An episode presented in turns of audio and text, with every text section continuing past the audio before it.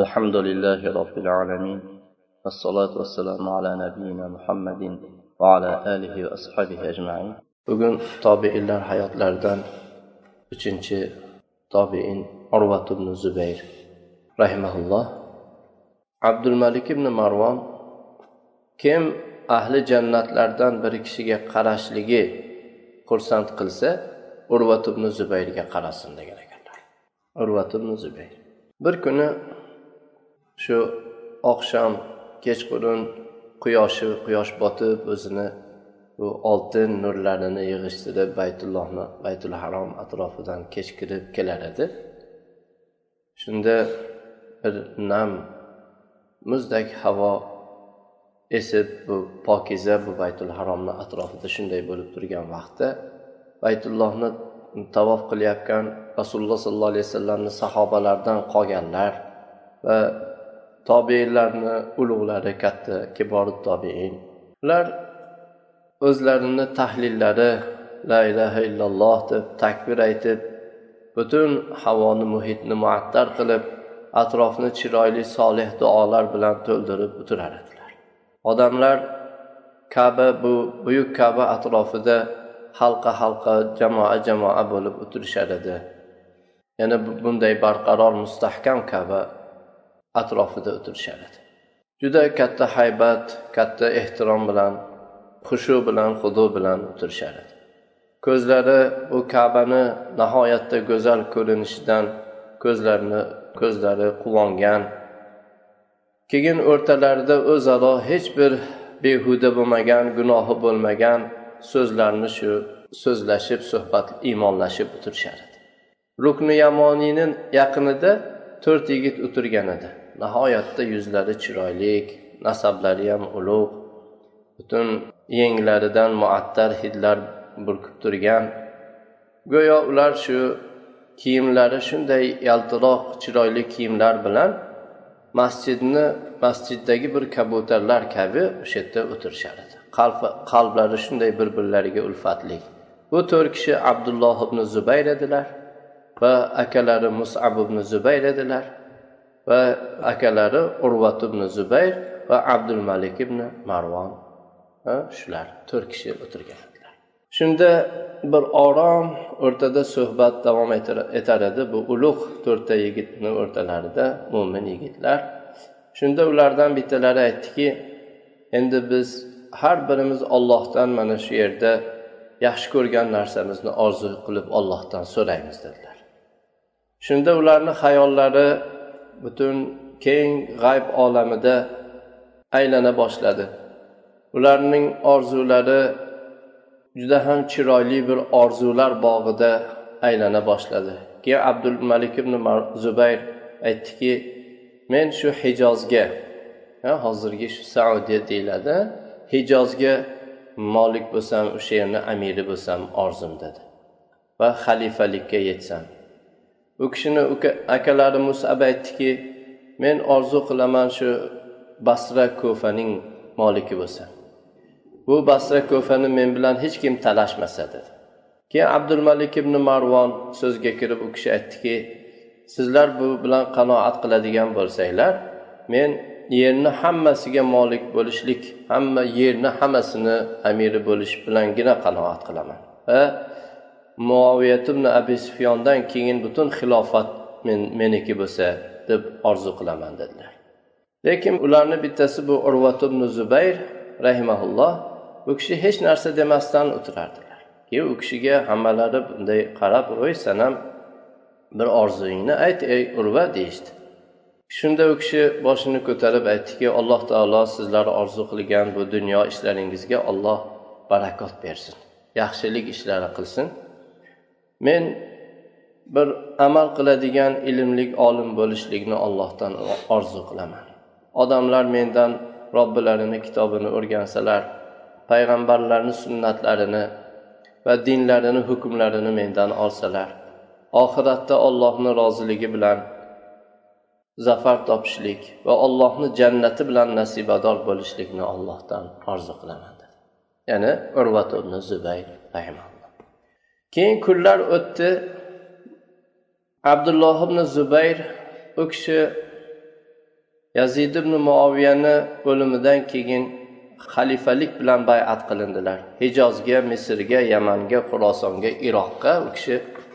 Keyin u kishi ham uzoq o'tmay shu o'zlari orzu qilgan joyni yaqinida u kishi qatl qilinadi. Keyin musab ibn zubayr iroq amirligiga musab ibn zubayrga kelsak ikkinchilari bu iroqni basraga ko'faga amir bo'lsam degan kishi bu o'zini akalari abdulloh tarafidan iroqqa u kishi amir bo'ladilar. Va u kishi ham shu viloyat oldida valiylikni qarshisida u kishi ham yana qatl qilinadi.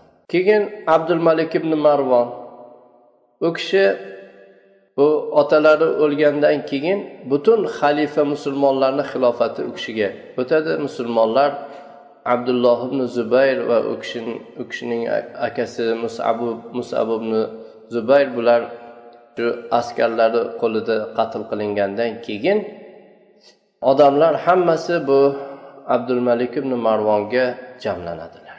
O'zini zamonidagi dunyo podshohliklarini eng buyuki bo'ladi. Mana shunday bo'lib o'tishadi. Oxirida bu endi ilmni orzu qilgan urvat ibn zubayr qoldilar. Bu kishini ishi qanday bo'ldi? Endi biz bu kishini qissalarini avvalidan boshlaymiz. Urvat ibn zubayr rahimaulloh umar ibn xattob roziyallohu anhuning xalifaliklaridan bir yil qolganda u kishi tug'iladilar.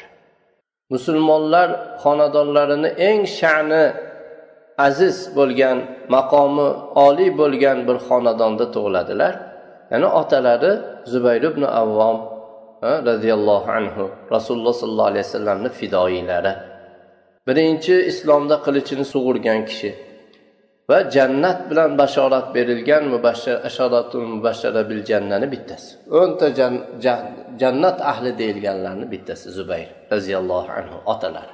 Onalarichi onalari abu bakr siddiq roziyallohu anhuning qizlari ikki belbog' egasi deb rasululloh sollallohu alayhi vasallamga bellariga bog'lagan shu belbog'larini yirtib bu hijratlarida bog'lab berganliklari uchun shu ikkita belbog' egasi degan laqabni olgan asmo binti abi bakr roziyallohu anhu oysha onamizni opalari u ona tarafdan opa dadalari abu bakr siddiq roziyallohu anhu rasululloh sollallohu alayhi vasallamni xalifalari g'ordagi hijratdagi sheriklari otalari tarafdan ya'ni buvilari safiya binti abdul muttalib rasululloh sollallohu alayhi vasallamni ammalari. Va mana shunday bir sharafli xonadonda edilar. Xolalari bo'lsa ummul mo'minin oisha roziyallohu anhu edilar.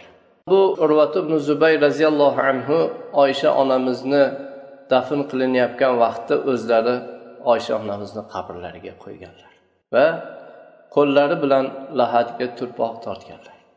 Bu nasabdan ortiq nasab bo'ladimi? Eng oliy bir ulug' mansabdagi kishi edilar. Bu sharaflarni hammasi endi iymonu islom izzati sharafidan tashqari edi. U kishida shu iymon islom izzati. U kishi o'zini olloh subhanava taolodan bu ulug' kaba oldida ollohdan orzu qilgan bu orzularini haqiqiy hosil qilishlikka qattiq berildilar. Talabi ilmga qattiq sho'ng'idilar. Hamma narsadan ilm talab qilishlikka uzildilar. Rasul sollallohu alayhi vasallamni ashoblaridan qolgan sahobiylardan u kishi ilmni ola boshladilar. Ularni g'animat bildilar. Doimo ularni uylarini qasd qilib shu u sahobiyni uyiga buni uyiga borardilar orqalarida namoz o'qirdilar majlislariga borardilar. Hatto bu urvat ibn zubayr roziyallohu anhu ali ibn abi tolibdan abdurahmon ibn avf zayd ibn sobit abu ayyubil ansoriy roziyallohu anhulardan ko'p hadislarni rivoyat qilganlar. Usomat ibn zayd said ibn zayd abu hurayra abdulloh ibn abbos nu'mon ibn bashir bulardan rivoyat qilgan. Va o'zlarini xolalari oisha ummul mo'minin roziyallohu anhodan ham juda ko'p ilm hadislarni o'rgandilar. Hatto madinadagi yettita madina fuqahosi degan taniqli ulamolarni bittasi bo'ldilar. Butun musulmonlar o'zlarini din ishlarida murojaat qiladigan fuqaholarni ulug' fuqaholarni bittasi bo'ldilar. Va solih bu boshliqlar amillar voliylar hammalari va alloh taolo bandalarni ishlariga boshliq qilib qo'ygan musulmon shaharlariga boshliq qilib qo'ygan voliylar bulardan yordam so'rab ularni ilmlaridan foydalanib ularga murojaat qilardilar.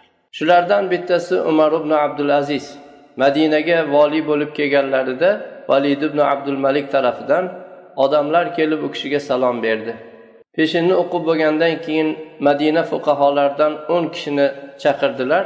Biz qanday ish qilamiz deb ularga maslahat bilan ish qilishlik uchun bularni eng boshida urvat ibn zubayr bor edilar umar ibn abdulazizni oldilarida bo'lganlarida umar ularga xush keldinglar deb ularni yaxshi kutib olib ularni juda hurmat qildi va allohga olloh azza va jallaga hamd aytdilar sano aytdilar. Keyin aytdilarki men sizlarni chaqirganimdan maqsad sizlar ajrlanadigan bir ishga va haq ustida menga yordamchi bo'ladigan ishga chaqirdim dedilar. Men faqat sizlarni fikringiz sizlarni ra'yingiz bilan sizlardan so'rab bir ishni qaror qilaman. Yoki sizlarnidan kim hozir qolsa meni atrofimda shularga qarab shulardan maslahat qilib ish qilaman dedilar. Agar biror kishi biror kishiga dushmanlik qilsa yoki biror bu boshliqlardan vazifadorlardan bir zulm yetib qoladigan bo'lsa ollohni o'rtaga qo'yib so'rayman buni menga yetkazasizlar dedilar.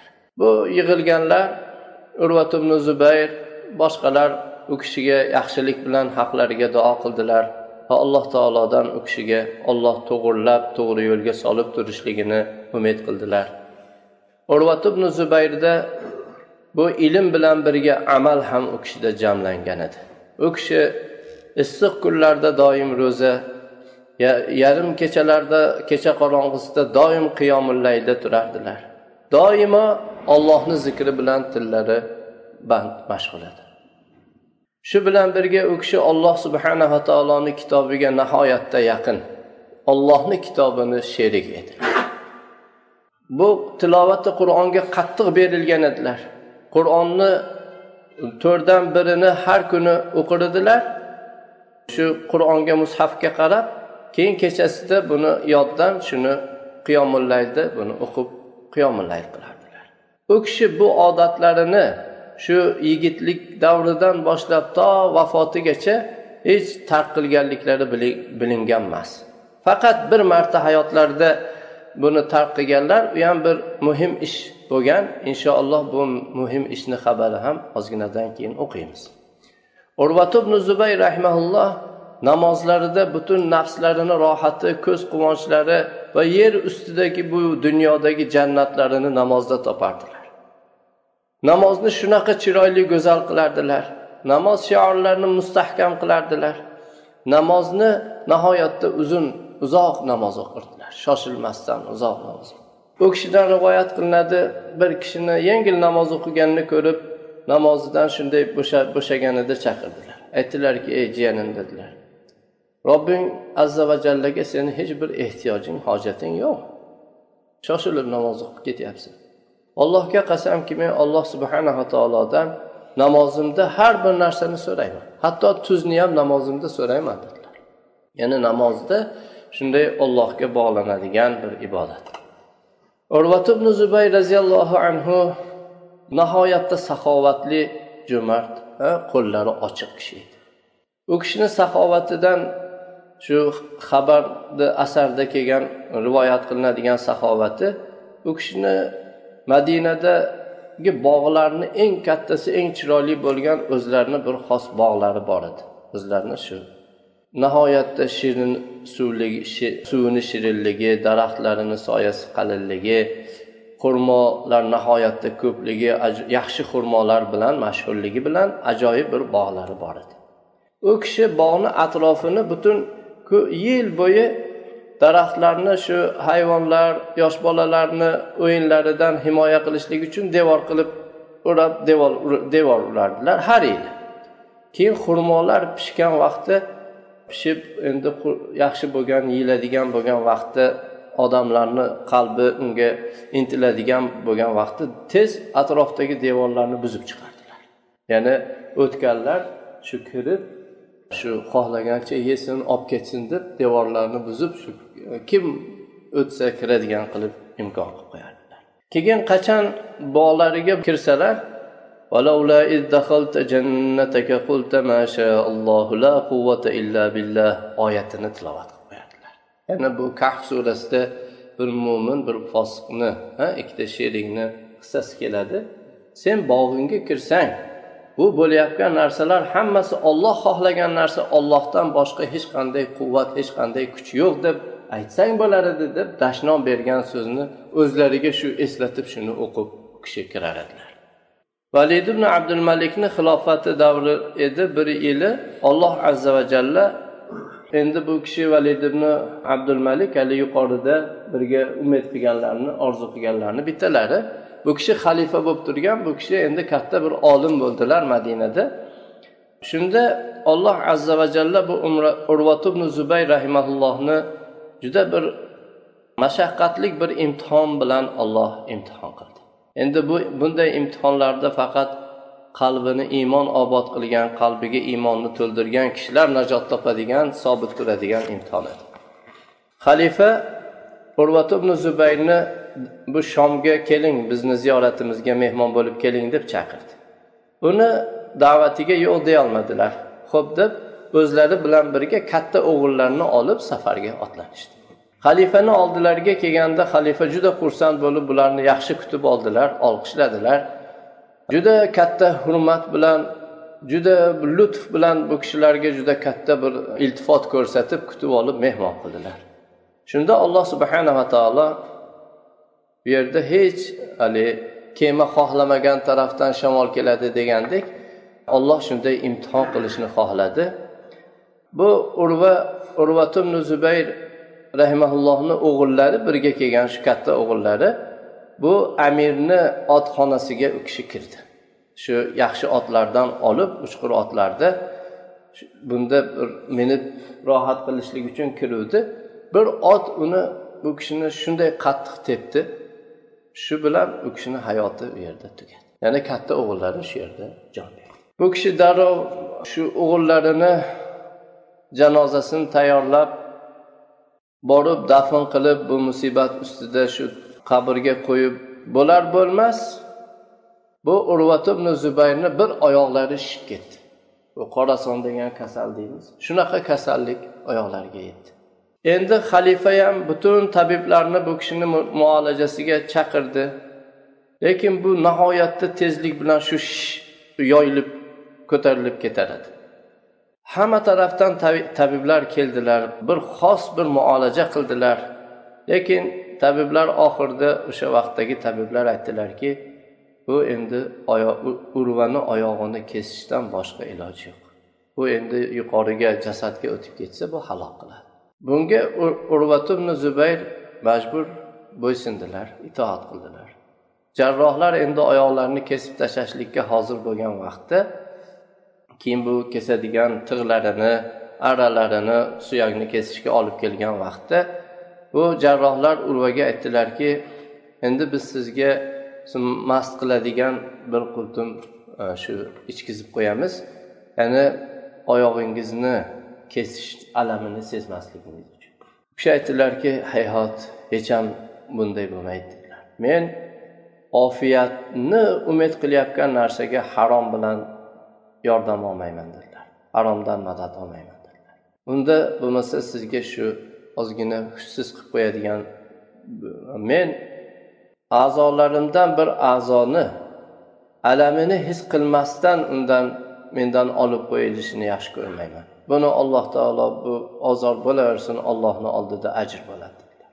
Keyin bu oyoqlarini kesishga jarrohlar hozir bo'lgan vaqtda bir qancha baquvvat baquvvat kishilar oldilariga kelib yosh yosh yigitlar o'tirdi.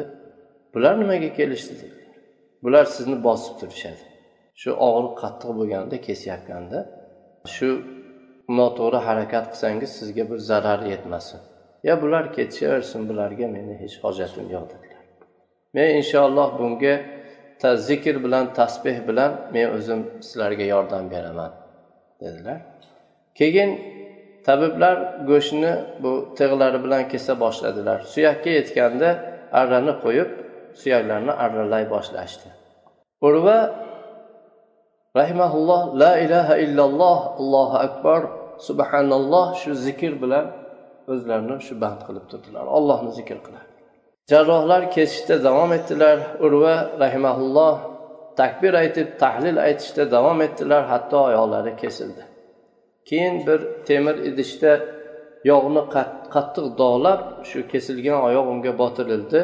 Qonni otilishini va bu jarohatni yomon bo'lib ketishini oldini olishlik uchun. Shunda u kishi tamoman uzoq vaqt hushdan ketib qoldilar bu hushdan ketishlik u kishini har kungi odati bo'lgan qur'ondan to'rtdan birini kunduzi tilovat qilib kechasida qiyomilay qilishdan shu bir marta umrlarida bu mahrum qildi. E, shu yosh yigitlik davrlaridan boshlab shu kecha bir marta shu ishlarni qilolmadilar keyin hushlarga kelgan vaqtda oyog'imni olib kelinglar dedilar. Kesilgan oyoqni qo'llariga ushlab keyin qo'llarida uni aylantirib ko'rib aytardilarki ammo meni senga yuklab qo'ygan zotga qasamki bu kechalarning qorong'isida masjidlarda seni ustingda turdim. bu olloh biladiki men sen bilan bir haromga hech qachon yurmadim dedilar keyin man ibn avs degan bir shoirni mana bu so'zlarini she'rini o'qidilar she'rda laamruka ma ahvaytuka fa liribatin kaffi liribatin ولا حملتني نحو فاحشة رجلي ولا قادني سمعي ولا بصري لها ولا دلني رأيي عليها ولا عقلي وأعلم أني لم تصبني مصيبة من الدهر إلا قد أصابت فتى قبلي degan she'rni o'qidilar ya'ni allohga qasam haqqa qasamki men hech qachon qo'limni bir shak shubhalik narsaga otmadim oyog'im meni bir fahshga yomon gunoh ishga hech qachon ko'tarib bormadi meni qulog'im ko'zim hech bir yomon ishga yetaklamadi meni aqlim ra'yim fikrim hech qachon bir yomonlikka dalolat qilmadi. Menga musibat yetgan bo'lsa men bilamanki bu musibatga mendan boshqa mendan oldingilar ham oldingilarga ham bu bunday musibat yetgan deb qo'ydilar. Endi xalifa valid ibn abdul malikka bu ulug' mehmoniga tushgan bu mashaqqat juda og'ir bo'ldi. Bir o'g'illar katta o'g'illarini bu kishi qo'ldan berdi. Vafot etdi. Keyin bir necha kunlar ichida kishini oyog'i ketdi. Endi bu kishini ko'nglini ko'tarib bu kishiga yetgan musibatga bu kishini sabr qildirishlikka bir iloj qidirar edi. Shunda tasodifan bu xilofat xilofat saroyiga xilofat diyoriga bir jamoa bani abs qabilasidan keldi. Bu qabilani ichida bir ko'r kishi bor edi. Ko'zi ojiz shunda bu xalifa so'radi bu ko'zingizni ko'r bo'lishini sababi nima? deganda keyin u odam qissasini aytib ketdi. Aytdiki amirul mo'minin dedi. Bani abs qabilasida mendan ko'ra katta boy mendan ko'ra bola chaqasi ahli ko'p kishi yo'q edi. Men shu mol dunyolarim bola chaqam bilan shu qavmimni joylaridagi bir vodiyda yashar edim. Joylashib olgan edim. Bir kuni bizga shunday qattiq bir sel keldiki biz unga o'xshashini hech ko'rmaganmiz. Sel mendagi mol dunyo ahl bola chaqa hammasini olib ketdi. Menga qolgani bitta yangi tug'ilgan chaqaloq qolgan edi. Keyin bir o'jar tuya bor edi shu tuya qolgan edi. Bu tuya qochib ketdi qo'limda chaqaloq. Keyin bolani yerga qo'ydimda tuyaga yetib olay deb tuyaga ketishim bilan ozgina yurganimdan keyin bu chaqaloqni qichqirishini eshitdim. Burilib qarasam boshidan bo'ri yeyapti. Keyin shoshilib bu chaqaloqni oldiga bordim. Lekin kech qolgan edim. Bo'ri uni tugatib bo'lgan edi. Keyin uni ham qo'ydim. Tuyani orqasidan tushdim. Tuyani yaqiniga borganimda u shu oyog'i bilan yuzimga tepdi. Peshonamni yordi. Ikki ko'zim ko'r bo'lib qoldi. Bularni hammasi bir kechada bo'ldi. Bir kechada ahlimdan bor dunyo mol mulkimdan ko'zimdan ajralib shunday bir ko'r kishiga aylandim qoldim. Keyin bu xalifa oldilaridagi kishilardan bittasiga aytdiki tez bu kishini nimani oldiga urvani oldiga olib boring. Yana u kishiga tasalli bo'lishlik uchun u kishini ko'nglini ko'tarishlik uchun olib boring borib urvat ibn zubayrga o'zini qissasini aytib bersin yana bilsinki odamlarni ichida u kishidan ham balosi kattaroq qattiq imtihon bo'lganlar bor ekan deb buni yubordilar. Urvat ibn zubayr keyin madinaga uylariga qaytdilar ahillarni oldilariga kirdilar. Shunda bu mendan ko'rib turgan narsanglar sizlarni dahshatga solmasin dedilar. Alloh azza va jalla menga to'rtta farzand berdi. Ulardan faqat bittasini oldi uchtasini menga qoldirdi menga qancha a'zolarni berdi faqat bittasini oldi. Qolgan hammasini menga qoldirdi. Allohga ham bo'lsin dedilar. Allohga qasamki olloh mendan ozini oldi menga juda ko'pini menga qoldirdi agar alloh taolo yana bir imtihon qilsa alloh taolo bir meni bunday sinovga solgan bo'lsa alloh taolo qancha menga ofiyatlar berdi dedilar allohga hamd bo'lsin. Ahli madina o'zlarini imomlari katta olimlari urvat ibn zubayr bu uylariga kelganlarini eshitib uylariga u kishiga hamdardlik bildirib ta'ziya bildirib oldilariga kelardilar. Eng chiroyli ta'ziya bildirganlardan ibrohim ibn muhammad ibn talha rahimaulloh u kishi kelib aytdilarki ey abu abdulloh xursand bo'ling. Sizni a'zolaringizdan bir a'zo sizdan oldin sizni farzandlaringizdan bir farzand sizdan oldin inshaalloh jannatga o'zib ketishibdi. Endi boshqa qolganlar ham shu ozginaga ergashadi inshaalloh dedilar. Alloh taolo sizga biz sizdan hojatimiz bo'lgan narsani bizga qoldiribdi.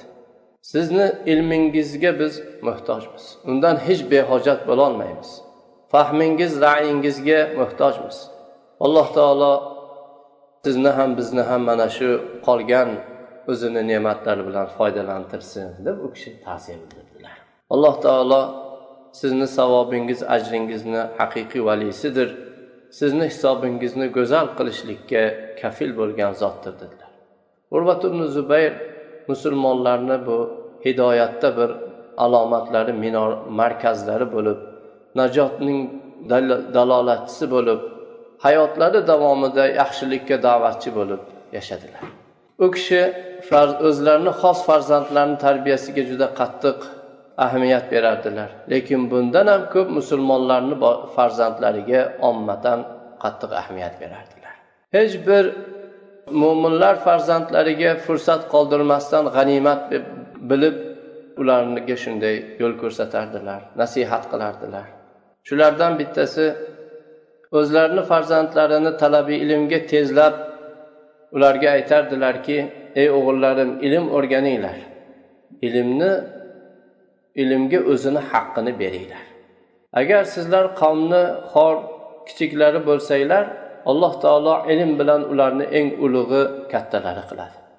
Ey holiga voy qanday ham qabih bir kishi dunyoda qarisayu johil bir qari bo'lsa.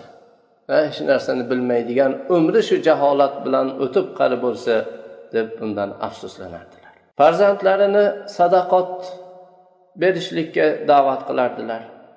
Aytardilarki alloh taologa hadya etiladigan inom berishlikka. Aytardilarki ey farzandlarim sizlarni bittangiz robbisiga qavmning eng aziziga hadya qilishlikka uyaladigan narsani robbisiga hadya qilmasin. Chunki alloh taolo azizlarni azizi hurmatlilarni hurmatlirog'i va unga tanlanadigan zotlarni haqlirog'idir deradilar. Odamlarni tanitar edilar odamlarni asl ulug'larini ularga ko'rsatardilar. Aytardilarki ey o'g'illarim agar bir kishi bir yaxshi amalni qilgan bo'lsa ajoyib bir undan boshqa yaxshiliklarni ham u odamdan kutinglar. Agarchi u odam odamlarni nazarida yomon odam bo'lsa ham chunki bir yaxshilikni qilgan bir yaxshiligi bor odamda boshqa yaxshiliklar ham bo'ladi agar bir odamdan yomon ishni qilganligini ko'rsanglar undan ehtiyot bo'linglar. Chunki agar odamlarni ko'zida yaxshi odam bo'lsa chunki bu yomonligi bor odamda boshqa yomonliklar ham bo'ladi. Bilinglarki yaxshilik o'zini qancha yaxshilik bo'lsa o'zini boshqa sheriklariga dalolat qiladi. Yomonlik ham o'zini sheriklariga yo'l ko'rsatib shu yomonlikni boshlaydi. Odamlarga xush muomala bo'lishni shirin so'z bo'lishlikni vasiyat qilardilar. Ochiq yuz bo'lishni. Ey o'g'illarim hikmatda yozilganki so'zingiz shirin bo'lsin yuzingiz ochiq yuz bo'lsin. Odamlarga ko'p mol dunyo sarflab yaxshi ko'rinishlikka harakat qilganlardan ko'ra odamlarga suyumliroq bo'lasiz. Shirin so'zlik bilan ochiq yuz chiroyli muomala bilan.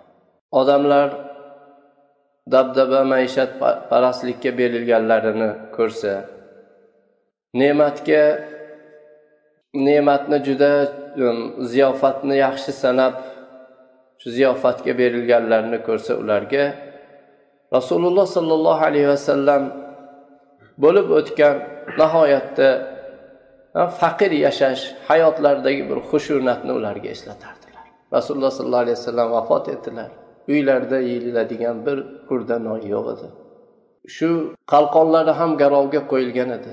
Dunyodan u hech narsa yo'q edi deb u kishini yashashlarini eslatardilar. Shulardan biri u kishini aytgan so'zlaridan muhammad ibn munkadir rivoyat qilgan so'zlari.